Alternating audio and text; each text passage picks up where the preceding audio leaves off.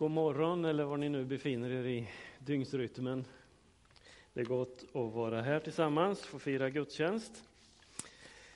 Eh, och eh, som sagt, Elia ska vi stanna inför eh, för tredje gången här på ett tag. Och jag inser ju att jag har en märkbart dålig timing i förhållande till de teman som vi jobbar med i församlingen.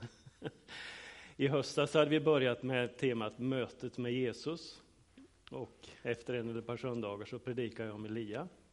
Gjorde det i januari också. Förra söndagen påbörjade vi ett nytt tema, eh, en växande församling. Eh, men jag får väl säga till mitt försvar att eh, från början var det planerat att jag skulle predika förra söndagen. Men vi flyttade det för att Lennart skulle kunna vara med. Ja, så kan det vara. Det här är ju tredje gången som vi stannar inför Elia. Och eh, jag gör en kort resumé utav de två gånger som vi har eh, stannat inför det förut. Elia har vi en ganska knapphändig information om, hans bakgrund. Eh, när vi möter honom så träder han fram inför Ahab och säger att, att det kommer inte att regna på ganska lång tid på grund av den orättfärdighet och den gudsfrånvändhet som eh, du står för och som du driver folket in i. Elia, han är ju en av tre personer i Bibeln som eh, inte blev kvar i en grav. Eh, vi har naturligtvis Jesus, men också Enok, står det om att han begravdes heller inte. Elia han reste ut till himlen i en eldsvagn, berättar Bibeln. Det som gör Elia intressant, det är att Nya testamentet säger att Elia var en människa som vi. Men han tjänade Gud i den kallelse som, som Gud hade gett honom. Vi får följa Elia eh, efter sen han har trätt fram inför Ahab. Eh, och eh, så säger Gud åt Elia att han ska uppsöka Kerits bäckravin och gömma sig där. Där får han mat utav korpar, både bröd och kött kommer de till honom med. Han får dricka vatten ur bäcken tänker mig att han plockar lite örter runt omkring sig och grillar och äter bröd. Vi får också sen, för sen drabbar ju eh, torkan även Elia, så att vattnet tar ju slut i den här bäckravinen där han finns. Då, får vi, då säger Gud till Elia att gå till eh, en änka som bor i Sarefat och där sker ett brödunder under flera år på grund av att hon tar emot eh, Elia. Sen så kommer Guds ord till Elia att han ska träda fram inför Ahab och eh, utmana deras gudar och deras tro. Vi får möta eh, Elias profetkollega som eh, tjänade hos Ahab i hans eh, eh ska säga, verksamhet, i hans eh, slott. Och eh, det är ett ganska intressant och märkligt möte där eh, nu tappar jag namnet på honom. Vad heter han? Ja. Hur som helst, så, så trots sin tro och sin gudfruktighet så kommer han liksom helt i tvivel på att Gud ska hjälpa eh, och skydda, så han, han eh, vart livrädd i mötet med Elia, för Elia var ju eftersökt naturligtvis i hela landet. Elia utmanar Baalsprofeterna på berget Karmel genom att de får bygga varsitt altare. Baalsprofeterna får först försöka att få elden att falla över altaret, men det händer ingenting. Sen bygger Elia upp altaret så som Gud hade sagt att det skulle byggas. Och så ber Elia till Gud efter att ha tömt hundratals liter vatten över altaret, offret och veden. Så ber han till Gud och Gud svarar med att elden faller över altaret. Elden förtär köttet, den förtär, förtär veden, den förtär vattnet och till och med stenarna, står det. Så jag ser framför mig att det var liksom en tom, förbränd plats. Och eh, där står då Ahab och ser allt det här. Guds svar på Elias bön. Och han får helt klart för sig att det är Herren som är Gud. Och därför ser vi också när vi läser texten hur Elia får jobba med Ahab för att få honom att vända hem till Isabel igen. För han visste ju vilken kaliber den här kvinnan var. Så helst så hade han kanske inte velat återvänt hem. Därför att när då Elia, som vi har hört idag, kommer hem och berättar, eh, förlåt, när Ahab kommer hem och berättar för Isabel vad Elia har gjort, så blir hon ju alldeles galen, höll jag på att säga. Hon eh, väljer ju då att hota Elia till livet. Och innan vi går in i själva det kapitlet så eh, ska vi bara avsluta det här med Ahab och Isabel, hur vi ska lämna dem.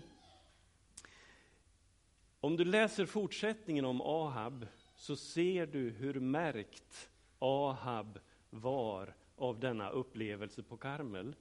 Det innebar för honom inte en omvändelse så att han lämnade sina gudar och vände sig till Herren.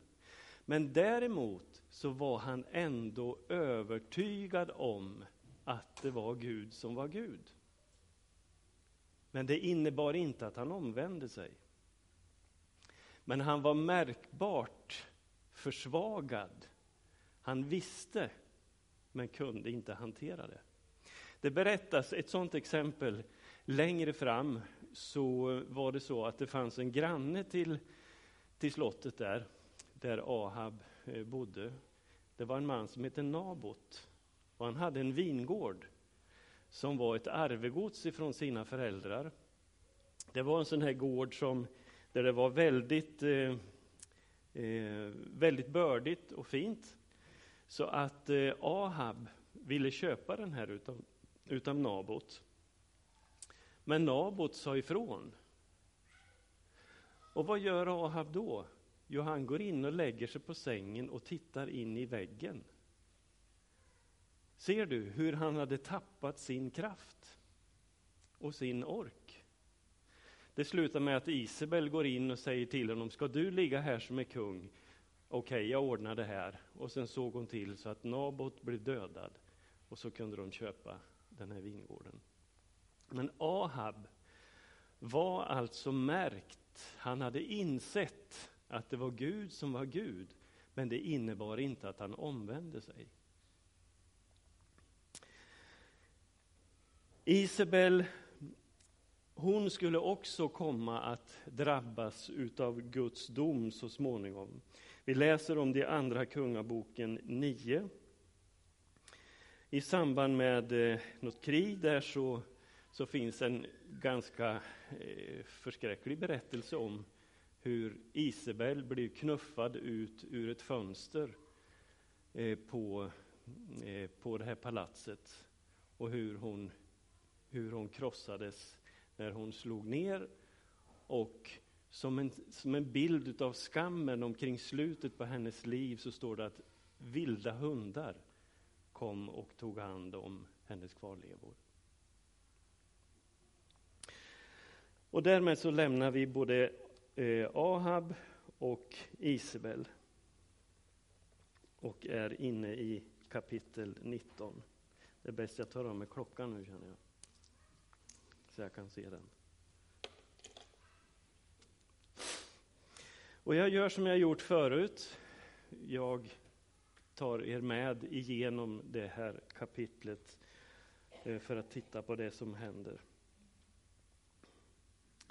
Isabel, hon hotar Elia till livet. Och det här är ju ett hot som är betydligt mer än omoraliskt och straffbart i rättslig mening. För hon lägger all sin andliga auktoritet bakom sitt hot. Hon säger gudarna må straffa mig nu och framgent. Och det innebär att det här var så att säga bara inte ett, ett eh, hotbrev utan det fanns en andlig dimension i det här hotet ifrån Isabel. Jag vet inte om Elia blir överraskad eller vad det är som händer för honom. Han har de här åren utav att ha tjänat Gud, handlat på Guds tilltal med sig i bagaget. Jag kan förstå att det har varit en, en, eh, också för Elia en slitig period, men ändå. Jag skulle ju hellre ha sett att Elia hade reagerat på ett annat sätt. Istället för att reagera med en sån rädsla inför Isabel. Men det är så eh, det är. Så det är. Elia blir livrädd och flyr för Isabel.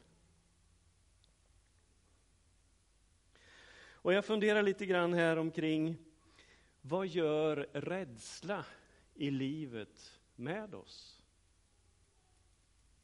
Ja, rädsla gör att vi tar beslut på ett helt annat sätt om vi inte är rädda. Vad gör ilska med oss? Jo, ilska gör att vi tar beslut som vi inte skulle ta om vi vore i de affekt eh, eller känslorna. Alltså, vi förlorar kontakten med oss själva. Vi förlorar kontakten med våra värderingar. Vi släpper allt rationellt tänkande. Och till och med tron tappar vi. Och det är det som händer för Elia här. Men jag ska på en gång säga att när Bibeln ger oss den här berättelsen så är den inte skuldbeläggande utav Elia på något sätt. Finns ingen antydan till att skuldbelägga Elia. Men däremot är den väldigt tydlig och beskrivande i vad som händer för Elia när han eh, reagerar med rädsla. Och läser du Bibeln så ser du att det här är inte helt ovanligt. Ta Petrus i Nya testamentet. När eh, man fängslar Jesus, när soldaterna kommer. Ja, det står att alla lärjungarna övergav honom och flydde. Och Petrus, han vågar inte ens inför tjänsteflickan stå för att han kände Jesus. Alltså, vad gör rädsla med oss i livet? Nu ska jag säga på en gång också att den situation som Elia går in i och kommer i har jag inte varit i närheten utav. Så jag har inte erfarenhet utav vad det är att inte vilja leva. Men där, där hamnar ju eh, Elia i den här situationen. Och kanske var det så här att han egentligen inte ville dö. Han, vill, han orkade bara inte att leva. För dit kom eh, Elia. Och jag tänker nog ändå att ur Guds perspektiv så kanske det inte det här var Guds väg. Men det blev den väg som blev i den här situationen. För Elia är ju trots allt på flykt här. Och utan att raljera eh, omkring situationen så är det ju intressant att Elia blir hotad till livet utav Isabel, flyr och går ut och önskar sig döden. Alltså inte, inte speciellt rationellt. Hade han velat dö hade han ju kunnat stanna hos Isabel. Om man säger så.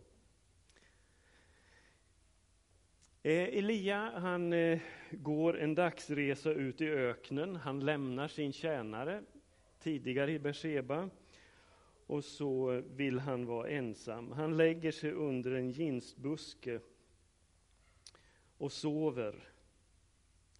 Där blir han väckt utav en ängel som kommer med mat. Det var inte speciellt gott om växtlighet ute i öknen. Men de här ginstbuskarna de kunde bli mellan en och fyra meter höga. De hade ett enormt rotsystem som trängde sig ner till vattnet. Men där fann han ändå lite skugga. Och när vi läser det här så, så ser vi ju att ord som kostcirkel, pedikyr och manikyr, detox och massage, ta hand om din, din kroppsprodukter, sömncoacher och allt som vi rör oss med. Det, de orden var inte uppfunna då. Alltså ett helt annat liv, naturligtvis, i en helt annan kultur och ett annat sammanhang. Men det hela det här textsammanhanget handlar om är ju Elia i tjänst för Gud. Och där kan du och jag också vara i våra liv, i vårt sammanhang. Gud sänder sin ängel och ger honom mat. Tidigare sa vi kom det korpar med mat till Elia. Men här, när livet var riktigt, riktigt tungt, så kom änglarna med mat till Elia. Och efter att ha ätit så, få, så har Elia kraft att ta sig till Guds berg Horeb. Han eh, sprang ju, eller gick, 40 dagar och 40 nätter ända till Guds berg Oreb.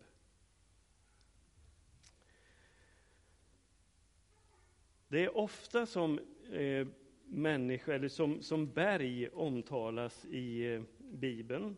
Man säger att det är ungefär 500 gånger.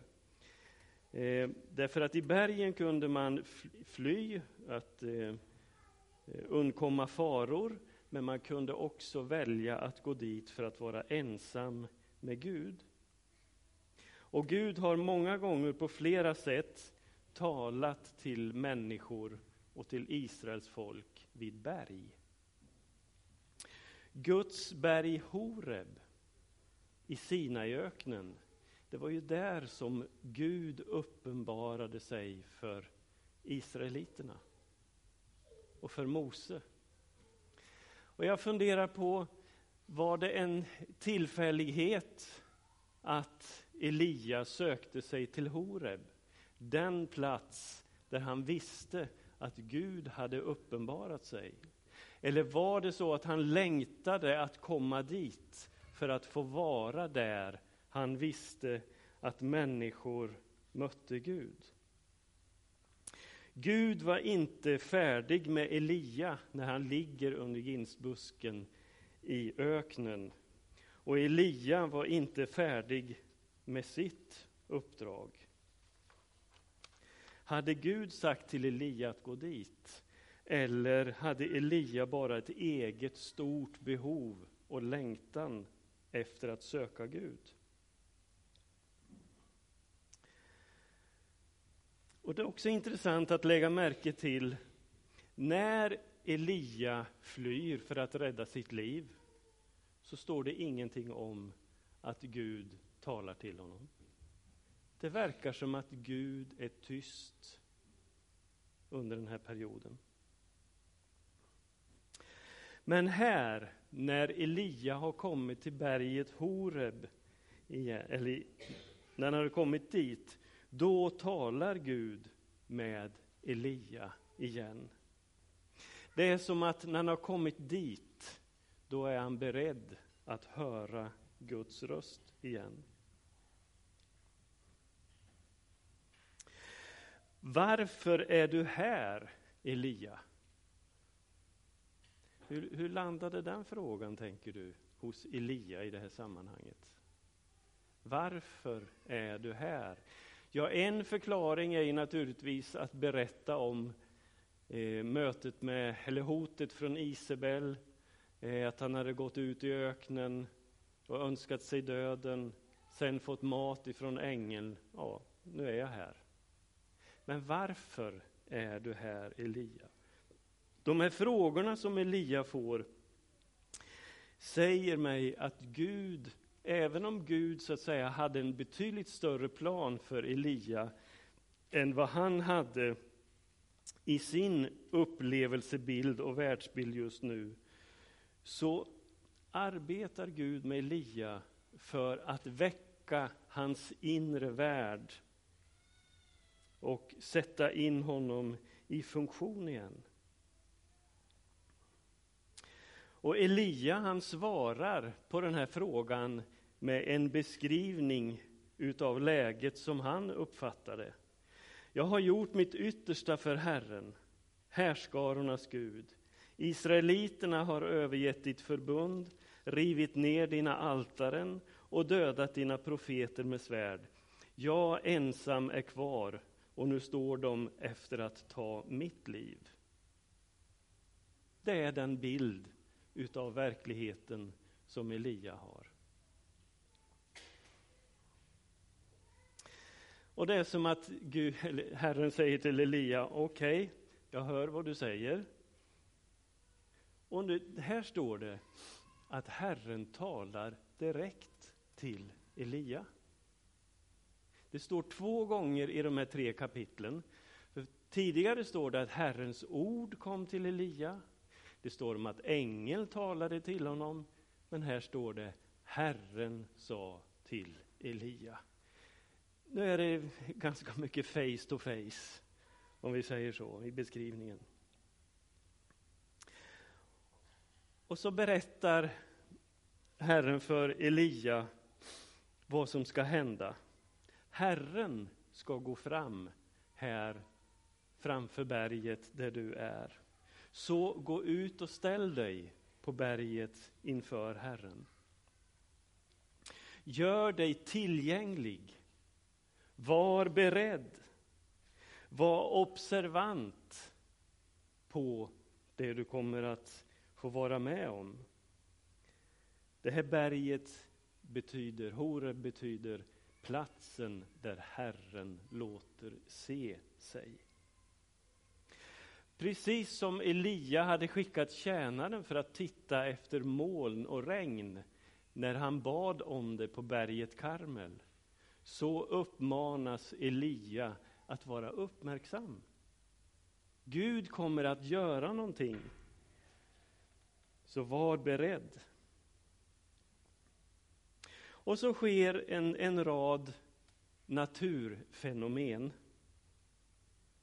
Först kommer en storm, och det är den enda utav de här fenomenen, som, naturfenomenen som beskriver vad det får för konsekvenser. För det står att stormen klöv berg och krossade klippor. Stormen, alltså vinden, klöv berg och krossade klippor. Att eh, vinden kan flytta på vatten, det vet vi. Både utav händelser utöver världen och nu på västkusten i, i betydligt mindre omfattning. Men att vinden klyver berg och krossar klippor.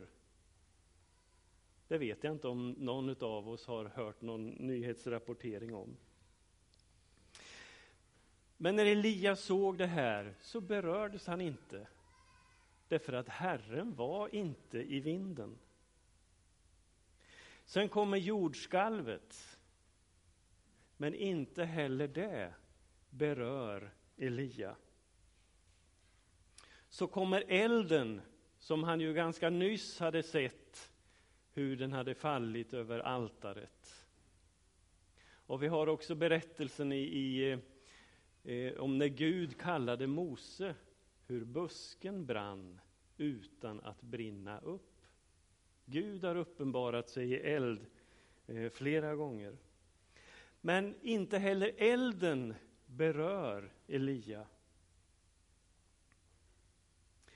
Men efter de här tre naturfenomenen så kommer ett stilla sus.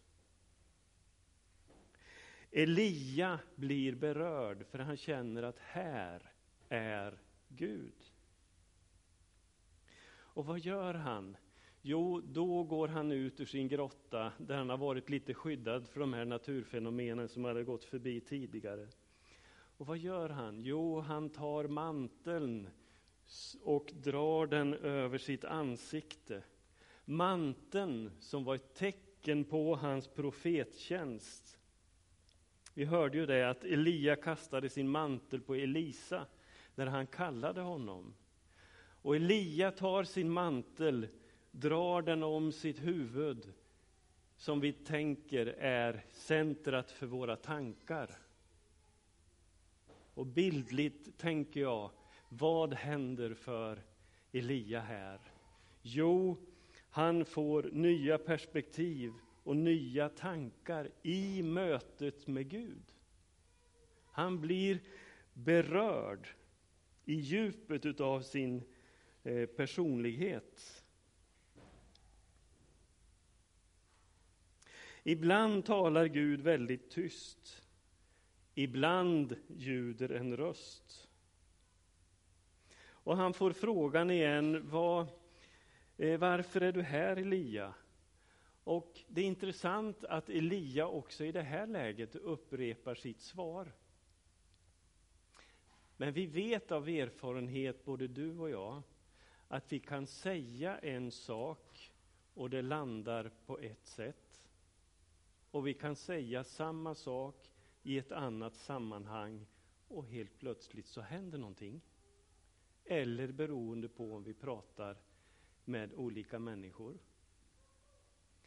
Vi kan klaga för att vi vill klaga och verkligen tala om hur dåligt saker och ting är. Men vi kan också klaga för att prata det ur oss.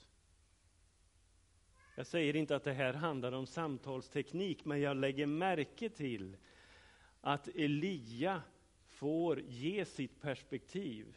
Sen tänker jag, när Elia har gett sin bild för andra gången, så det som står härnäst i texten är ju att Herren säger till Elia, vänd tillbaka och ta vägen till Damaskus, fortsätt nu. Så kanske vi inte har hela dialogen mellan Gud och Elia. Bibeln är ju ibland sammanfattande. Men det som är det viktiga är ju att Elia, han hittar tillbaka till sin tjänst och till sin kallelse genom det han är med om här. Hans tro väcks till liv och han har en förnyad kraft att gå vidare i sin tjänst för Gud. Och på något sätt så får ju Elia här en garanti för att Gud ska utföra det som han har sagt, om det är så att han går. Jehu, Nimsis son, ska du smörja till kung över Israel och Elisha, Shafats son från Avel Mechula, ska du smörja till profet efter dig.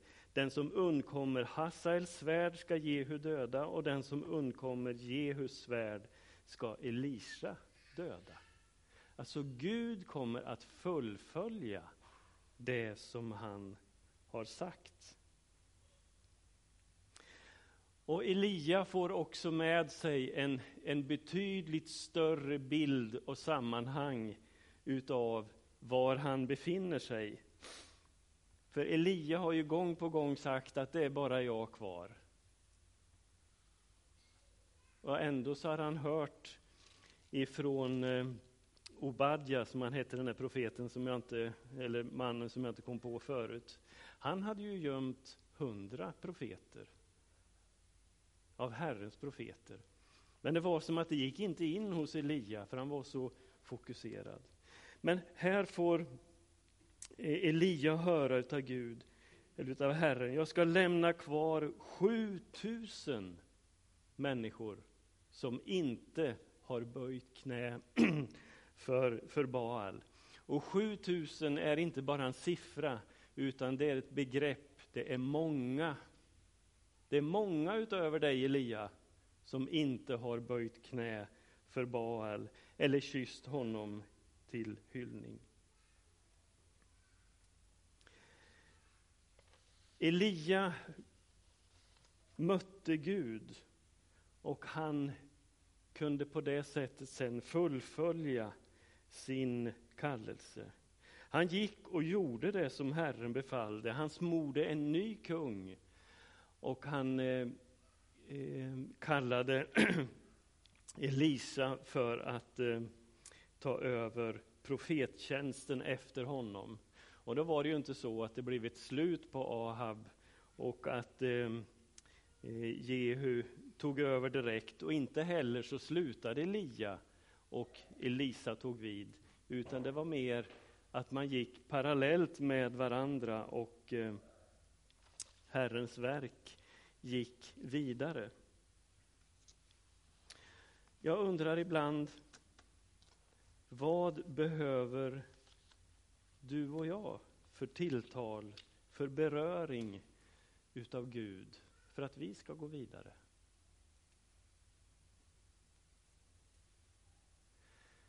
Hur kan vi höra Guds röst? Om vi tycker att Gud är tyst, så kanske vi också behöver bli tysta. Stanna upp. Elia hade långa perioder i sitt liv där han var i ensamhet, i tysthet, just för att få höra Guds röst. För som Elia så är vi som församling, så är vi som Guds folk i världen en Guds röst, ett Guds verktyg, ett redskap. Vi behöver gång på gång söka Gud, få beröras utav honom. Vad är aktuellt och vad är viktigt för oss i Brokyrkan, här och nu? Låt oss gå till Guds berg Horeb, där Gud låter se sig, där han uppenbarar sig, där han talar. Låt oss söka honom. Jesus Kristus, tackar dig för ditt ord, tackar dig för profeterna, deras exempel. Tackar dig för det DNA som vi bär med oss i tron i deras, ifrån deras liv så ber vi för oss här och nu. Herre, vi ber att vi skulle få vara berörda utav dig. Vi ber att vi skulle få se det mer än det vi ser som begränsar vårt synfält. Herre, hjälp oss till lyssnande, hjälp oss till tro. Vi ber om det i Jesu namn. Amen.